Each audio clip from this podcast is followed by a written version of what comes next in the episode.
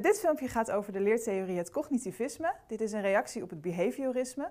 Uh, en in dit filmpje ga ik kort in op de geschiedenis en het ontstaan van het cognitivisme. Wil je meer weten over Brunner en Ausubel, twee belangrijke grondleggers van het cognitivisme? Dat kun je in de andere twee filmpjes kijken. Het cognitivisme uh, ontstond begin 1900, maar pas rond 1960 kwam het echt op gang.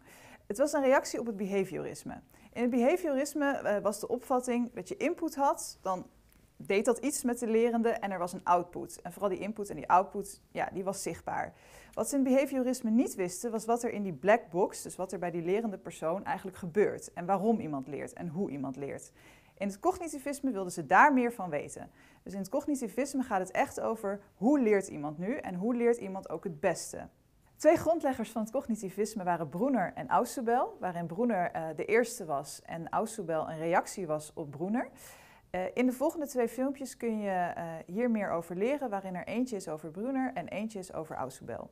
Dit filmpje gaat over de eerste grondlegger van het cognitivisme, namelijk Brunner. Uh, en na dit filmpje kun je uitleggen wat de belangrijkste kenmerken waren die Brunner belangrijk vond in het cognitivisme. Brunner werd geboren in 1915. Hij overleed pas kort geleden in 2016.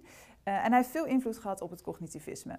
Brunner ziet de mens als een actieve informatieverwerker, dus uh, dat de lerende persoon echt zelf de informatie aan het verwerken is en zelf tot leren komt. Uh, en om dit leerproces te helpen onderscheidt hij drie representatievormen. De eerste daarvan is de N-actieve representatievorm. Hierbij uh, handelt een leerling echt met concreet materiaal. Dus stel je voor dat je met z'n allen een taart hebt en je gaat daadwerkelijk die taart met een uh, mes verdelen, zodat je een bepaald aantal stukjes hebt. En daarmee heb je geleerd in hoeveel stukjes je die taart zou kunnen verdelen. Nou, de vervolgstap daarvan is de iconische representatievorm. Uh, het concrete materiaal is dan weg en het materiaal wordt eigenlijk weergegeven in een tekening. Dus bijvoorbeeld een tekening van een taart, waarbij jij moet kunnen uitrekenen in hoeveel stukjes die zou kunnen worden verdeeld. Heb je dat ook onder de knie, dan zegt Brunner, kun je naar de symbolische representatievorm. Uh, en hierbij is het alleen nog maar in symbolen weergegeven, dus in dit geval in cijfers, uh, waarbij jij dan moet, iets moet kunnen uitrekenen. Uh, als docent is het dus belangrijk dat je bij die verschillende representatievormen aansluit die jouw leerlingen hanteren. Uh, en daarmee kun je ook een combinatie gebruiken van de verschillende representatievormen. Nou, een voorbeeld daarvan zie je in dit plaatje. Daar worden uh, zowel de symbolen gebruikt, 1, 2, 3, 4, et cetera, uh, maar ook de plaatjes van een handje wat dan een verschillende aantal vingers opsteekt. En op deze manier worden dus zowel de symbolische representatievorm als de iconische representatievorm gebruikt. een ander voorbeeld wat je veel bij biologielessen ziet, is dat leerlingen eerst bijvoorbeeld echt gaan snijden in daadwerkelijk materiaal, als een hart of een oog of wat dan ook. En daarna moeten ze op papier kunnen aantonen wat zijn nou die verschillende onderdelen. Dus dan ga je van een N-actieve representatievorm, het snijden, naar een iconische representatievorm, het plaatje. Wat Brunner heel belangrijk vond, was het zelfontdekkend leren. Dus hij stelde, een leerling moet zoveel mogelijk zelf problemen leren oplossen. Daardoor wordt hij creatiever, gaat hij meer zijn eigen uh, ja, leren ontwikkelen en raakt hij ook intrinsieker gemotiveerd. Dus hij stelt ook, eigenlijk moet je een leerling gewoon een hele taak geven en zoek het eigenlijk maar uit, want daardoor uh, leer je het beste. Dus dat is het zelfontdekkend leren. Uh, een ander belangrijk begrip wat Brunner uh, hanteerde was het spiral curriculum. Hierbij is eigenlijk één concept wat elke keer weer terugkomt in de leerstof, maar dan elke keer verder wordt uitgebreid. En op deze manier stelt hij, kun je dat concept steeds beter leren en in steeds meer verschillende contexten. Op een gegeven moment merkt Brunner dat uh, het volledige zelfontdekkende leren toch niet helemaal werkt. En er ontstaat ook kritiek op en er ontstaan, uh, komen onderzoeken waaruit ook blijkt dat een leerling toch enige sturing nodig heeft en enige kaders nodig heeft om tot dat leren te komen. En dat de meeste leerlingen niet in staat zijn om dat volledig zelf vorm te geven. Uh, en daarbij ontstaat het begrip wat Brunner noemt guided discovery. Uh, en dit houdt in dat de docent wel de kader stelt en wel duidelijk heeft van hier wil ik uiteindelijk dat de leerlingen heen gaan, uh, maar daarin wel heel veel ruimte schept. En in het boek bijvoorbeeld uh, staat een voorbeeld van een docent waarbij die steeds ja of nee zegt bij bepaalde steden die, die zij opnoemt. En leerlingen moeten zelf kunnen bepalen wat is nou de gemeenschappelijke deler van die verschillende steden. En op die manier gaan ze er wel zelf over nadenken, maar heeft de docent uiteindelijk de regie in handen. Dit filmpje ging over Brunner, uh, de eerste grondlegger van het cognitivisme. En na dit filmpje kun je nu uitleggen wat de belangrijkste uitgangspunten waren van Brunner binnen het cognitivisme. Een andere belangrijke grondlegger binnen het cognitivisme was Ausubel. Uh, en dat was ook een reactie op Brunner. Wil je hier meer over weten, dan kan je naar het volgende filmpje. Dit filmpje gaat over Ausubel, eh, een andere grondlegger binnen het cognitivisme. En na dit filmpje kun je uitleggen wat de belangrijkste uitgangspunten waren van Ausubel.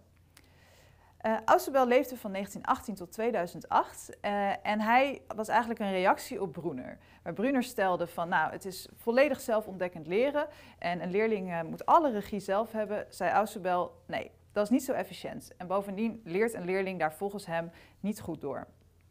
Ausubel zei, een leerling moet actief ontvangend leren. Ontvangend betekent de docent is degene die de leerstof aanbiedt, maar de leerling moet wel uitgedaagd worden om actief aan de slag te gaan met die leerstof. Om dat te bereiken, zei hij, moet leerstof betekenisvol zijn. Uh, en met betekenisvol, dat onderscheidt hij in drie factoren die daarvoor belangrijk zijn. De eerste is leertaak en leerinhoud. De tweede is voorkennis, dat aansluit bij de voorkennis van de leerling. En de derde is de leerintentie van de leerling. Dus dat jij aansluit bij wat jouw leerling eigenlijk wil leren en kan leren. Een aanvulling op het betekenisvol leren is de leeromgeving. En dat die uh, goed moet zijn om leerstof daadwerkelijk betekenisvol te laten zijn.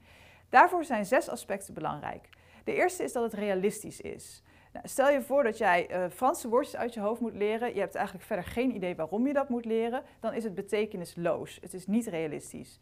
Moet jij morgen een groepje Franse studenten gaan rondleiden, dan wordt het ineens wel realistisch. Dan kun je die Franse woordjes leren omdat je weet dat je het kan gaan gebruiken en dat je het ook moet gaan gebruiken. Uh, een volgend aspect is zelf actief zijn. Dus dat de leerling zelf actief aan de slag gaat. Daarnaast is het ook belangrijk dat iemand keuzevrijheid krijgt en dat hij ook kan experimenteren met, met de leerstof en dat de docent dat aanmoedigt.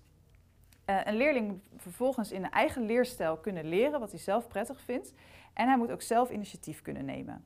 En dit alles zou leiden tot uh, een betere leeromgeving en daarmee tot meer betekenisvol leren. Ausubel stelde dat uh, om tot goed leren te komen, je nieuwe kennis moet koppelen aan een concept wat de leerling al kent. En op die manier wordt je kennisstructuur verder uitgebreid.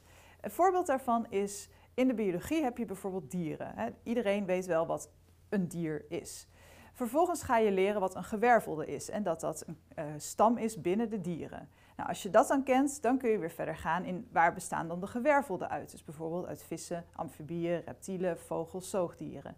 Als je dat dan kent, dan kun je weer dieper ingaan op welke soorten vissen zijn er dan en welke eigenschappen hebben die vissen. En op die manier koppel je dus nieuwe kennis aan een kernconcept wat jij al kende. Nou, om dat uh, duidelijker te krijgen voor de leerling en om daar meer overzicht in te krijgen, stelde Ausubel dat je organizers kan gebruiken. En organizers zijn dus manieren om veel leerstof eigenlijk schematisch uh, ja, voor je te krijgen, waardoor je dus de kennis beter beklijft. Een voorbeeld daarvan is een mindmap. Er zijn een aantal verschillen en overeenkomsten tussen Brunner en Ausubel. Beide waren cognitivisten en dat houdt in dat ze dus bezig waren met hoe leert de mens nou het beste. Eh, beide zagen ook de mens als een lerende persoon die actief informatie verwerkt. Een belangrijk verschil tussen Brunner en Ausubel was dat Brunner het zelfontdekkend leren in eerste instantie heel belangrijk vond. Hij stelde dat de leerling zoveel mogelijk zelf uh, zijn eigen leren moet vormgeven, hoewel hij daar uh, naarmate de tijd vorderde wel iets op terugkwam. Ausubel uh, was het niet eens met het zelfontdekkend leren. Hij stelde als docent moet jij de regie hebben, moet jij de kaders stellen, waarbinnen de leerling vervolgens zijn eigen keuzes zou moeten kunnen maken. Dus dat zijn uh, de belangrijkste verschillen tussen deze twee cognitivisten. Dit filmpje ging over Ausubel, uh, een belangrijke grondlegger van het cognitivisme. Dus na dit filmpje kun je nu de belangrijkste uitgangspunten van Ausubel benoemen en je kunt ook de verschillen tussen Brunner en Ausubel uitleggen. Wil je nog meer filmpjes zien? Klik dan op de link hieronder.